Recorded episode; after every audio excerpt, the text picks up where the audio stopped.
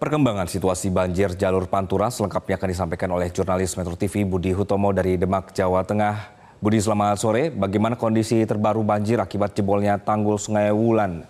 Uh, data terakhir, ini berapa desa yang terendam?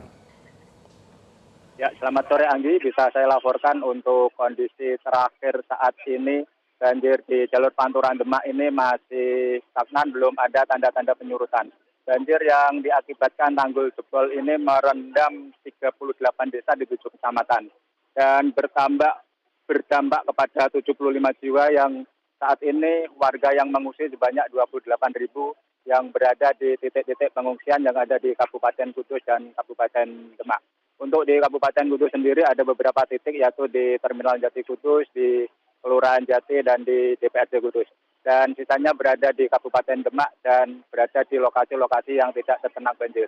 Ya, Anggi. Budi, bagaimana dengan pengungsi? Eh, bagaimana penanganannya? Karena tadi diinfokan sudah sampai ke Kudus juga ya pengungsian.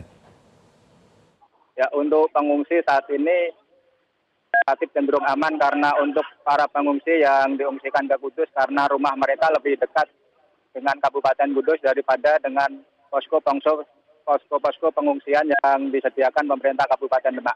Karena untuk lokasi jebolnya tanggul Sungai Wulan ini berbatasan langsung dengan Kabupaten Kudus. Dan selain itu juga untuk saat ini tim relawan dan BPBD gabungan masih standby di lokasi-lokasi titik-titik untuk penyelamatan atau mengevakuasi warga yang ingin dievakuasi karena sampai saat ini banyak warga yang ingin dievakuasi karena sudah hampir empat hari ini banjir yang merendam Kabupaten Demak ini belum berangsur surut. Ya, di Ya, Budi, eh, tadi diinfokan ada satu korban meninggal dunia, ini karena bertahan di rumah ya. Apakah masih ada warga di sana yang tetap bertahan di lantai dua rumahnya misalnya? Ya, untuk warga yang masih bertahan di lantai dua rumahnya ini masih banyak. Dan mereka diimbau untuk berhati-hati karena untuk itu logistik bagi warga yang bertahan di rumahnya ini disuplai dari tim relawan yang berada di lapangan. Karena mereka nggak mau mengungsi karena lebih nyaman tidur di rumah mereka daripada di lokasi-lokasi pengungsian. Untuk bantuan pengungsi apakah sudah masuk, Budi, ke titik-titik pengungsian di sana? Untuk bantuan logistik sampai saat ini berjalan aman dan lancar dan saat ini para pengungsi yang dibutuhkan adalah obat-obatan, pakaian, serta untuk susu bagi anak-anak. Karena hampir bagian persen yang mengungsi ini adalah anak-anak dan ibu-ibu, serta kaum lansia.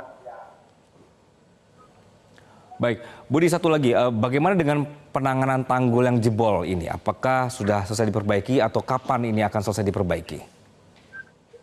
Sampai saat ini untuk penanganan tanggul yang jebol saat ini masih dalam proses penerjunan alat-alat berat ke lokasi.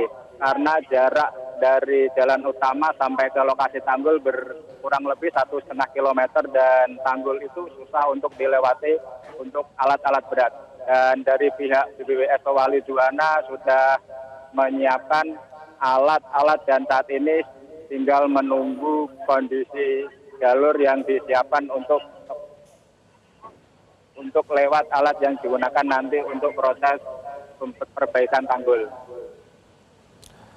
Baik, kami akan tunggu terus perkembangan dari sana. Terima kasih Budi Utomo melaporkan dari Demak, Jawa Tengah. Jelajahi cara baru mendapatkan informasi. Download Metro TV Extend sekarang.